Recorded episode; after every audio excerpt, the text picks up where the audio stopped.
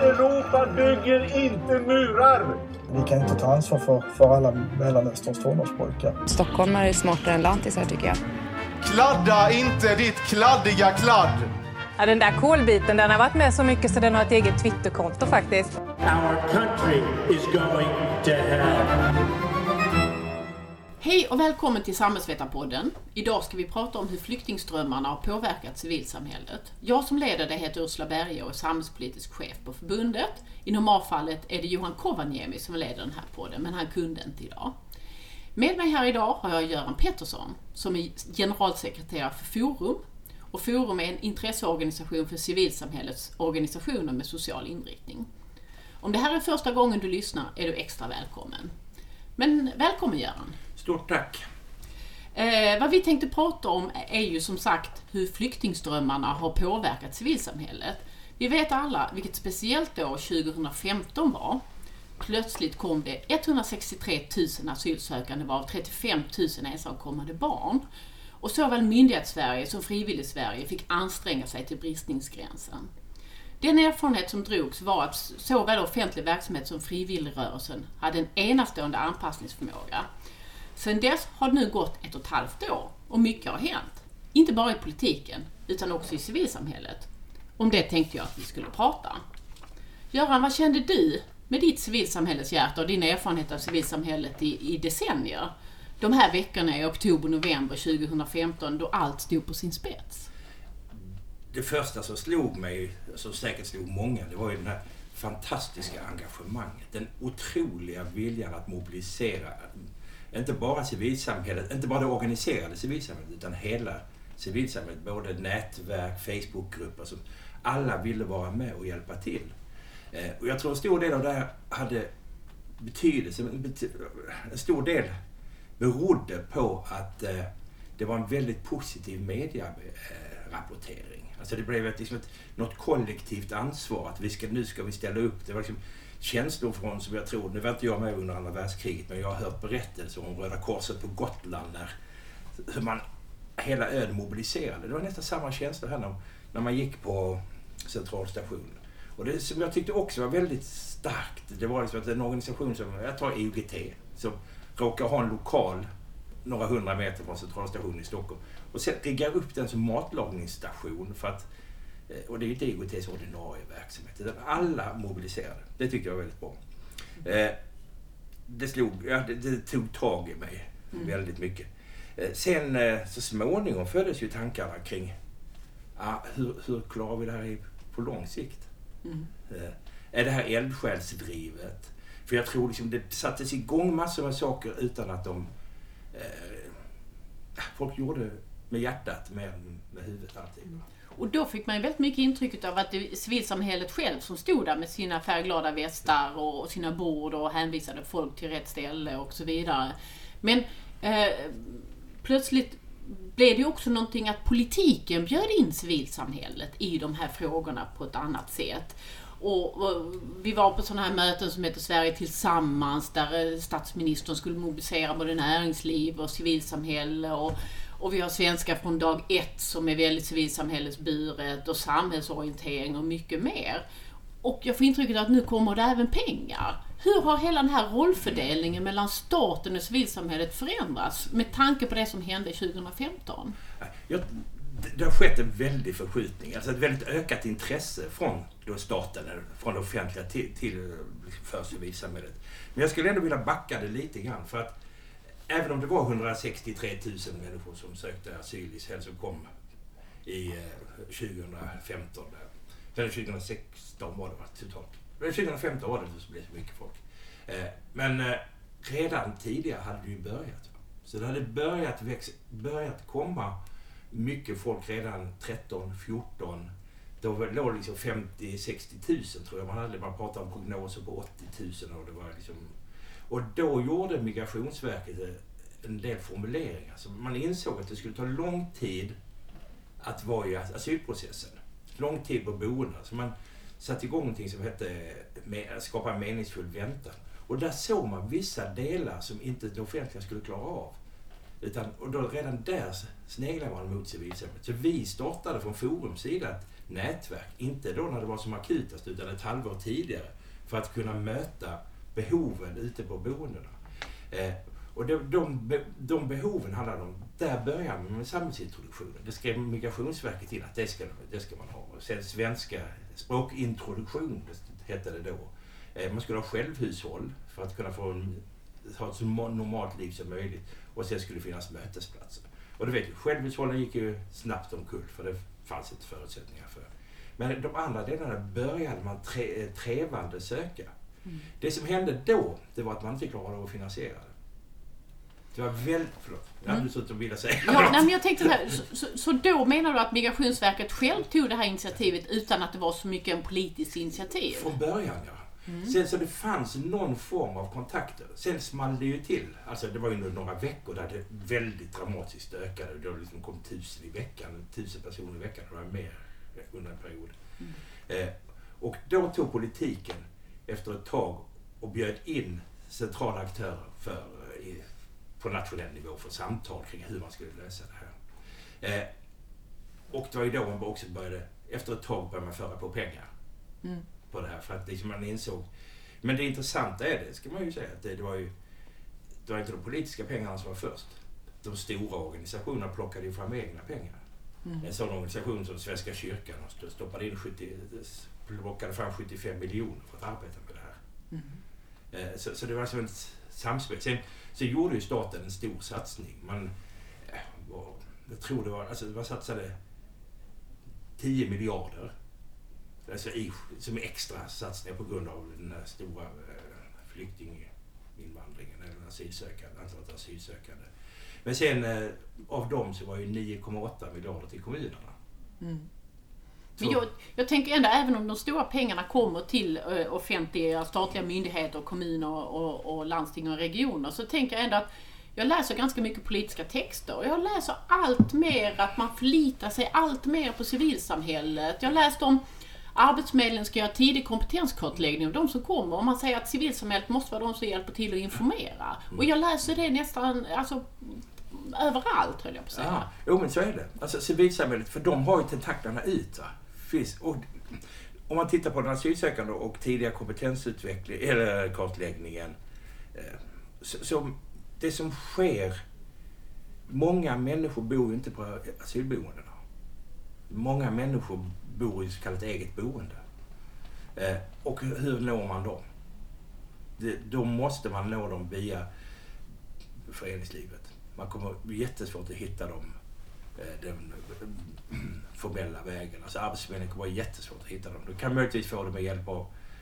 Nej, det kommer vara jättesvårt. Utan då är det mötesplatsverksamheter där man i de, i de områdena där människor bor fångar upp och kan, kan göra saker. Hur skulle du säga att eh, civilsamhället har förändrats under den här tiden, om vi bortser från de offentliga medlen? Hur, hur har man förändrats eh, de här åren som bara i någon mening beror på att asylpolitiken och asylsituationen har förändrats? Dels tror jag liksom, dels har fokus, att många av de organisationerna har liksom självklart börjat arbeta mycket tydligare, mycket starkare med asylfrågor. Många gjorde det ju tidigare, men det har blivit ett väldigt starkt fokusområde. Det har dykt upp ett antal nya organisationer som bara arbetar med det här. Men framförallt så tror jag man har insett att eh, eh behovet av samverkan. Alltså att det finns inte en enda stor organisation som klarar allt. Och det har liksom, vi, vi har inte varit mästare på det i Sverige tidigare. Att samverka mellan organisationerna. Utan, men det har dykt upp nu i, alltså, som, ett, i, som en följd av, eh, av, av eh, asylinvandringen. Att organisationerna inser att man måste samverka. Man har blivit bättre på att samordna sig i förhållande till politiken. Eh, men också till att göra saker tillsammans. Så att vi börjar undvika, under en period, det ska man ju kanske inte svartmåla organis- organisationsliv, men när entusiasmen var som störst så kunde man starta tre mötesplatser i samma kvarter utan att veta om varandra. Va? och det, liksom, och den, de, den typen håller på att försvinna nu. För nu inser man, nu samverkar man, eh, man går ihop i nätverk på nationell nivå, lokal nivå eller, regional nivå. Eh, Men det har ju gått nu ifrån att handla bara om... asyl- initialt var det ju asylfrågorna. Nu är det etableringsfrågorna. Och, så, som, och där behöver man ju också eh, civilsamhället. Kanske ännu mer. För, för, Får jag fråga dig, det, civilsamhället eh, har ju hela tiden här balansen mellan vad som görs som av anställda inom civilsamhället, inom professionen och det som volontärer gör. Hur skulle du säga att civilsamhället har förändrats i den här rollfördelningen mellan anställda och volontärer, mellan profession och eh, volontärer? Jag tror man har hittat områden. Alltså det, det är ju ändå rätt tydligt att man har kunnat skilja ut eh, alltså att myndighetsutövning, att det sköts professionellt. Eh, men det har, men eh, mycket av det som skedde, eh, om vi tar på centralstationen, det hade ju tidigare skötts av anställd personal. Och där var ju om, alltså hela mottagande, matförsörjning och allt sånt där, det, var ju, det är ju egentligen ett offentligt åtagande. Men där gick ju civilsamhället in. Och jag tror att dialogen har kommit närmare. Mycket närmare mellan ideellt och offentligt. Jag tror det finns områden där civilsamhället går fel. Där man går in och tar för stort ansvar. Kanske utifrån ett medmänskligt perspektiv. Att, att någon måste göra det. Men jag kan inte komma på något exakt exempel. Det borde jag göra. Men, eh, eh, men rollfördelning. Jag tror det ändå finns en det som är rollfördelningen är ändå rätt tydlig i myndighetsutövningen och i stödjande verksamheter som där civilsamhället kan vara. Tycker du, med tanke på det ytterligare eh, engagemang som staten eh, förväntar sig av civilsamhället eller som man uppmanar eller ber civilsamhället att göra och som man också skickar med pengar till. Upplever du att den rollfördelningen mellan staten och civilsamhället har hittat sin form? Eller är det fortfarande en process där vi har, har eh, ännu mer att förvänta oss i förskjutningar i roller? Mm, jag, jag tror att eh, det, det kommer bli... Jag tror vi kommer få, det kommer förskjutas ännu mer. Eh, för jag tror att... eh, Kanske liksom inte i formen av eh, det formella ansvarstagandet. Men i formen av vem som kommer att bedriva verksamheterna.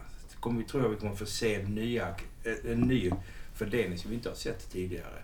Alltså att ideella organisationer eller civilsamhällsorganisationer kanske går in och bedriver verksamheter i, i, liksom i de så kallade socialt utsatta områdena eller där det offentliga dragit sig lite tillbaka, där man har börjat lägga ner skolor. Där tror jag till exempel att civilsamhället kommer gå in och börja driva skolor.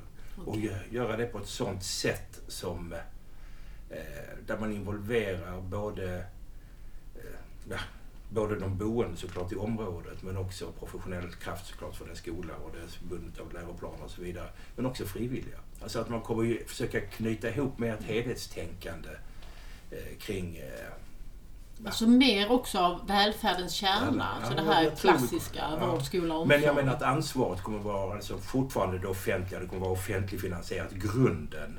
Mm. Men civilsamhället kommer lägga på delar i det i och med att man driver den. Mm. Och det är en utveckling som jag tror vi kommer att se.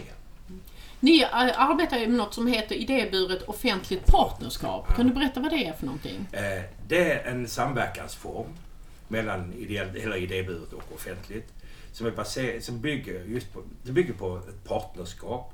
Den fungerar när det inte finns någon marknad att vårda, när det inte finns någon konkurrens att vårda. Utan när det är någon, en samhällsutmaning som man gemensamt har identifierat. Så kan man ingå ett partnerskap där båda parter bidrar med olika saker. Oftast är det ju offentliga som bidrar med finansiering och de idéburna med kompetens och struktur. Men man äger det tillsammans. Ofta ett initiativ från, från, eh, eh från en idéburen organisation som ser ett behov, som man ser att det här skulle behöva utvecklas och söker då ett partnerskap med kommunen. Hittills är det bara kommunen som man har kunnat ingå med. Staten har inte vågat ännu. Tror du att detta kommer att växa och utvecklas framöver? Jag tror det. Idag känner vi till ett hundratal. Eh, det är klart att det finns eh, intressen som är oroliga som vill fortsätta den här upphandlingsfundamentalismen. Att allting ska upphandlas eh, av olika skäl. Jag, men jag tror att det kommer, det vi kommer att hitta klokheten kommer att vinna. Så allt, upphandling är ju bra när det är en marknad att vårda, konkurrensen att vårda. Men den är idiotisk när det, gäller, när det handlar om att samverka och samarbeta och utveckla nya verksamheter. Hur mycket av det här är eh, idéburet offentligt partnerskap eh, är drivet inom ramen för asylfrågor, etableringsfrågor? Mycket. Det är, många, många, en stor andel. Stora. Det finns ett antal stora. Det finns ett, framförallt när det gäller ensamkommande barn så finns det ett stort partnerskap i Göteborg. Jag tror det är på 250 miljoner. Eh, och eh, ja, också integration och etableringsinsatser har man drivit med partnerskap. Jag tänkte, jag läste en, här, eh, en rapport som heter Volontärbarometern som ni också ligger bakom eh, och som ges ut av Volontärbyrån. Och 2015 hade de en rapport som, som visade att det exploderade, det ideella engagemanget. Och jag läste bara två, eller jag läste hela rapporten, men två siffror stack ut. Det ena var att den outstanding viktigaste saken som påverkar att någon valde att bli engagerad överhuvudtaget var flyktingsituationen. Som, som, nu har jag inte läst eh, rapporten rapporter längre bak i tiden, men jag misstänker att det har förändrats. Eh. Och den andra var att just området integration och asylsökande var det absolut vanligaste området de sedan också valde att engagera sig i. Berätta hur du reagerade när du såg de här siffrorna. Eh, den, egentligen var jag inte jätteförvånad. För att det här... Vi, hade ju, vi, vi är ju en del i den allmänna rapporteringen som skedde. Alltså den här positiva rapporteringen kring, eh, Eh, kring mottagandet av asylsökande. Så det fanns ju en allmän eh, hås i samhället att engagera er. Det som var förvånande i och för sig, det var att det var nio gånger så många intresseanmälningar hade vi under en period. Och det klarar ju inte vår server av och sådär. Eh, så det förvånar mig inte att det var så väldigt många, ansö- så många som, eh, som, som ville engagera sig. För det, det var den allmänna trenden i samhället just då. Eh, och sen har, att det var flyktingfrågan. om man tittar på jag har inte läst bakåt i tiden, men tittar man bakåt så är det, det som har varit mest prioriterat tidigare har varit unga, eh, arbete med barn och unga och sen har det varit flyktingfrågan. På något sätt. Så det liksom har alltid legat högt. Nu är det ju högt. Och det som jag tycker det de här siffrorna ändå visar, det är liksom hur beroende hur viktigt det är för engage- det totala engagemanget i samhället att det, det finns någon rapportering. Medias roll i det hela, för det är helt, det är helt avgörande. Jag tänker, kommer det här engagemanget eh, som beror på att människor vill eh, hjälpa till eh, när människor som söker asyl i landet kommer hit. Eh, är det något som spiller över på andra delar av civilsamhället också? Att det här är ett engagemang som kommer att sprida sig? Att de kanske blir engagerade, vad vet jag, i, i eh, ja, kvinnojourer eller vad som helst? Eh, vi har inte sett det, vi kan inte säga det säkert. Alltså vi gör en ny barometer, det var ju förra årets barometer, nu skickar vi ut nästa. Så, så vi vet inte riktigt vad som har hänt. Eh, men man kan ju tänka sig det, för att man blir ofta engagerad i, organisationer. Även om man, engage, man engagerar sig i ett uppdrag så är ju ofta att det leder till ett engagemang i en organisation. Och sen det beror det på hur den, vad den organisationen har för olika verksamheter där man kan engagera sig. Eh, men och har, den, har det första, den ideella upplevelsen, eller upp, det ideella engagemanget varit positivt, en positiv upplevelse. För man får ju så fantastiskt mycket tillbaka. Så det är när man ger och så får man. Så, så det kommer skapa ett beroende hos många. Så jag tror att det kommer sprida sig till att man engagerar sig mer. Eh, Jag kan ju säga själv som ideellt engagerad att det släpper ju aldrig, det bara Nej. byter organisation. Eh, Men eh, hur kommer civilsamhället att kunna vårda de här personerna? De är ju jättemånga fortfarande och engagerade. Och det, hur gör man så att det inte blir en dagslända? Och det här är svårt. Det, det här, här skulle, behövs ju resurser. Det är det som är, många tror ju att frivilligt arbete, ideellt engagemang är gratis. Men det är det ju inte. Va? Det krävs eh, uppmuntran, utbildning, se till så att man inte går och bränner, så att inte eldsjälarna brinner ut, eller vad man brukar säga. Eh, för, och sen tror jag att det behövs också någon form av positiv, eh, en fortsatt positiv rapportering. Som det ser ut nu så, så är det ju, behoven är ju inte exakt lika stora, men de är jättestora fortfarande. Organisationen har massor med verksamheter. Men det är lite svårare att få tag på volontärer. Även om det är ett stort engagemang fortfarande. Men så är det, och jag tror det har den omvända betydelsen av utifrån det som har hänt med, jag sa att det var väldigt, med den positiva medierapporteringen har stor betydelse. Nu har det liksom den här ljumma medierapporteringen, nästan den här eh, där, där skuldbeläggningen av, eh, av asylsökande och, har kommit rätt väl mycket ut i, i, i, eh, i media. Där eh, politiken genom att stänga gränserna signalerar, någonstans, signalerar någonting som man också tar åt sig till. Så att jag tror, inte, jag tror vi skulle behöva få eh, media att skriva eller rapportera mer om behoven av om att det, det fortsatt positiva i det ideella engagemanget. Mm. Jag tänker, hur, vi går ju nu igenom en fas att väldigt många av de asylsökande som kom under 2015 håller ju nu på att få uppehållstillstånd och ska in i etablering, det vill säga en långsiktigt få ut, kompletterande utbildning kanske, och jobb. Eh, hur formerade civilsamhället om sig att gå från den här mottagande och asylsituationen till att gå till en etableringsfas? Det, det vi gör mycket, det, det, det, här är ju det lokala föreningslivet som kommer vara den stora nyckeln om man ska lyckas med det här. För det kanske man inte får säga på ett fackförbund, men mycket av att jobben, mycket att få ett jobb bygger på nätverk och kontakter. Det får man lov att säga. Det får man säga.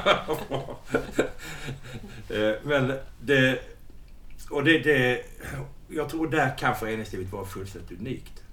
Att etablera mötesplatser, verksamheter eh, som, där man tar emot och bjuder in de människor i etableringen för att skapa nätverk. Och då handlar det liksom inte bara om att bjuda in passivt. Utan det handlar om att bjuda in människor, kanske först att delta, men sen också att eh, vara, bli med i föreningen och kanske bli ledare i föreningen. Eh, för det, det, det, här, alltså någon form av... Eh, det måste, det, vi måste få till stånd eh, att, de, att föreningslivets nätverk öppna, blir tillgängligt för de människorna som kommer. Mm.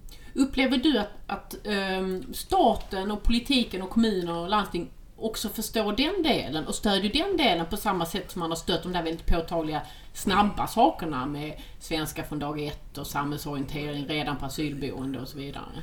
Eh, man förstår det, men man har inte gått in riktigt med stöden. Det här finns ju, man, det finns ett projekt i Stockholm där man försöker, eller i Stockholms län, där man ska bygga upp en någon nätverksstruktur. Det heter VIDA-projektet som egentligen handlar om att de asylsökande i etableringsprogrammet ska komma Eh, komma i kontakt med föreningslivet. Är man intresserad av fiske så är det fiskeföreningen man ska komma i kontakt med och bygga upp ett nätverk kring det till exempel.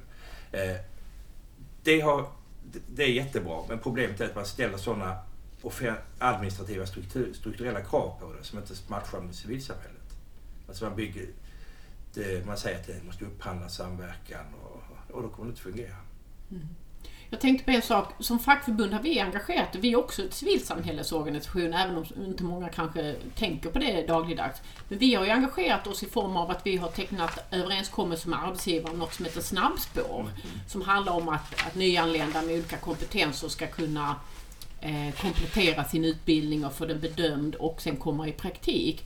Och eh, det där är också någon form av partnerskap som, som eh, väldigt engagerande och så här, men det går också ganska trögt eh, på olika sätt. Men vi lär oss hela tiden väldigt mycket av det här. Och inser att det här är väldigt många nya fält. Vi som fackförbund har man inte dagligdags jobbat med de här frågorna. Men vad skulle ni säga eh, från övriga civilsamhället är det mest eh, bärande eh, som ni har lärt er under de här åren? Eh, det som jag, ja, det, först skulle jag säga behovet av samverkan. Alltså att inte... Eh, det är ju det kanske så på fackföreningsområdet också, men i, i många av de här organisationerna som arbetar med mottagandefrågor är ju också insamlingsorganisationer. Och insamlingen liksom konkurrerar lite med varandra. Men i det här området så tror jag man har lärt sig att ja, vi måste samverka och skilja ut eh, skilja bort insamlingsfrågorna så att säga och samverka kring etablering och mottagandefrågor. För att annars annars tappar vi liksom syftet med vad vi är till för. Det tror jag är en sak som är väldigt viktig. Jag tror också det är en annan insikt att man behöver eh, bygga upp någon form av beredskapsstrukturer. nu blev liksom alla tagna lite på sängen. När alla sprang och satte igång och började göra saker. Men det blev svårt med, eh, med samverkansstrukturerna på, på centralen. Det tog ett tag innan de kom igång. Så småningom kom det igång. Men där har några av de organisationer som var aktiva där, de har tagit fram en handbok kring hur man ska kunna bygga upp en beredskapsstruktur. Eh, men den måste ju offentligt finansieras i så fall. Och det, jag tänkte, jag tänkte, eh, jag läste en rapport från Riksrevisionen, det är sånt jag håller på med. som, som heter så här, den kom 2014, alltså året innan den stora eh, asylinvandringen till Sverige. Den heter Staten och det civila samhället i integrationsarbetet. Och då gör de bland annat den här sammanfattningen och det känns ju eh, historia och daterat på alla sätt. Men det står så här. Civilsamhällets organisationer är inte utförare mot ersättning i någon större omfattning inom den statliga integrationspolitiken och civilsamhällets begränsade deltagande i integrationsarbetet är påtagligt. Hur reagerar du på det så här tre år senare? Det, det, är, det är ju historia, kan man säga lugnt. Alltså, civilsamhället är ju väldigt, väldigt aktivt just i integrationsarbetet. Eller det etableringsarbete som vi nu pratar om det som. Eh, och Eh, jag tror det kommer bli mer, än mer akt, eh, involverat. Eh, just utifrån att det är, om man ska någonstans möta de människor som kommer och att det inte ska stärka segregationen så måste man få till stånd mötet med Sverige, med de som har bott här ett tag, eller hela sitt liv, eller många generationer. Och det är civilsamhället som kan stå för de kontakterna. Det är en skillnad att möta någon som gör det för att jag vill träffa dig och inte, inte bara för att jag har betalt för att träffa dig. Det är något Mm. konstigt i det där, men det, det, det har betydelse. Mm. Och det är civilsamhället som kan göra det. Och får man kontakter och får nätverk så, så blir, det här, blir det inte anonyma människor från Syrien eller från Afghanistan. Utan då blir det eh, Ahmed eller vem. Och han är en jättebra person och han rekommenderar till min granne som har en svetsfirma. Nej, men de där enkla mekanismerna, de måste vi få att fungera.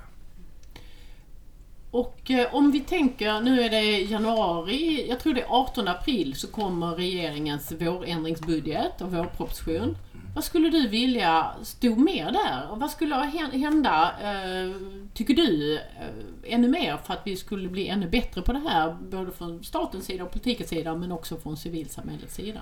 Jag skulle vilja att man vågade bygga upp en infrastruktur för att stödja det civilsamhället. Inte bara nationellt utan även regionalt och lokalt. Alltså skapa någon form av eh, samordnande strukturer som ägs av föreningslivet i antingen region eller gärna på kommunal nivå. Men kommunal nivå blir lite svettigt kanske. Men på, i regioner som kan stödja sig, föreningslivet i samverkan med det offentliga kring olika etableringsinsatser men också mottagarinsatser. För det kommer ju att komma fortsatt asylsökande. Det ska vi inte glömma bort. Men även om det är på en mycket lägre nivå kanske. Vad jag vet inte vad prognosen är, 30 000 eller något sånt där. Men, eh, det skulle jag vilja. Och sen skulle jag också vilja att man vågade sig på, om vi nu tar mottagandefrågan, så skulle jag vilja att man skulle våga sig på att ompröva. Är det verkligen, är Migrationsverket de bästa att driva asylboendena? För det blev ju nu en halabaloo när det växte, växlades upp och det var mycket konstiga aktörer som kom in. Många gjorde säkert jättebra insatser.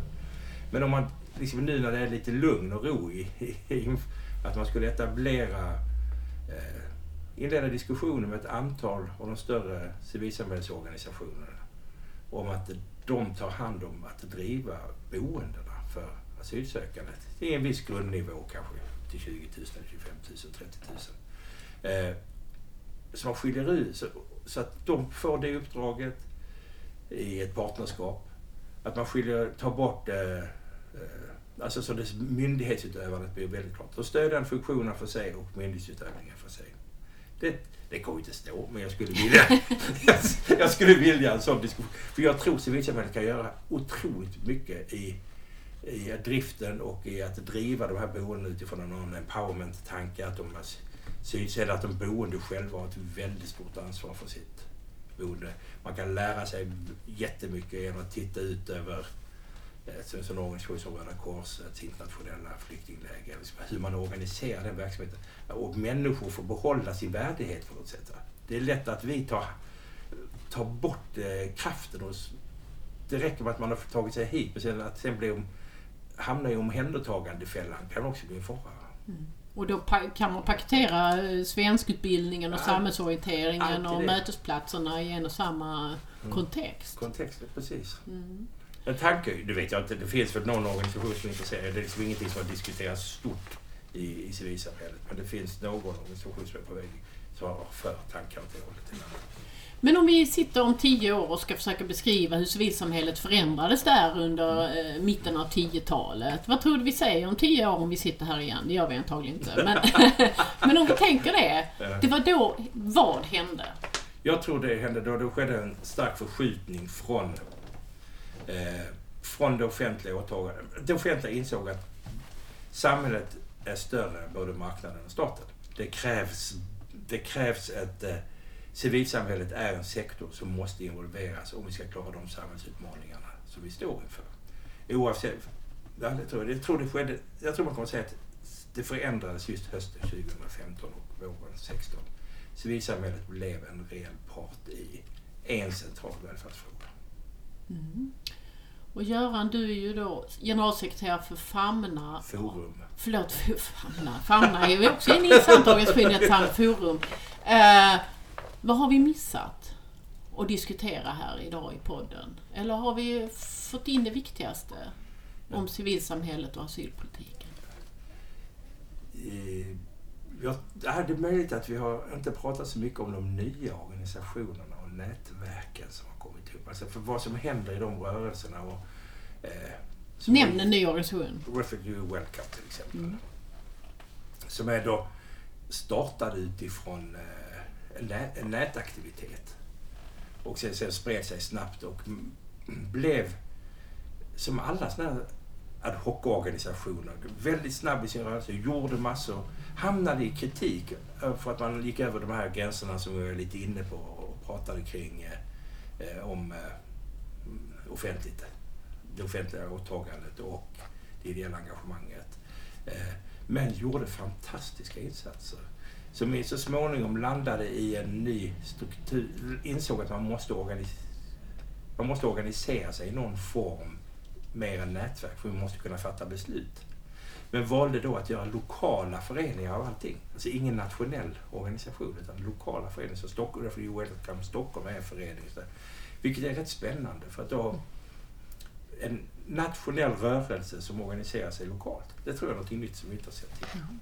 Är det någonting som passar eh, den moderna människan? Att man vill kunna gå in och ut ur sitt engagemang på ett mer flexibelt sätt och, och att det är någonting som andra delar av civilsamhället också kan eh, fundera på? Jag tror, jag tror det är så. Det, det ser, vi stora, ser vi förändringar. Liksom när jag engagerade mig en gång för 30 år sedan, 35 år sedan, då blev, var jag engagerad i Amnesty.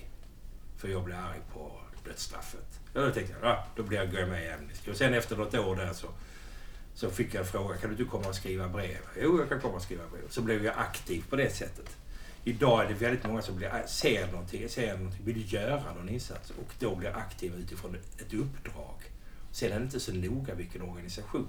Många organisationer ställer ju inte krav på medlemskap längre. Utan man kan vara aktiv, sen blir man ofta medlem, men det, det är inte det som är...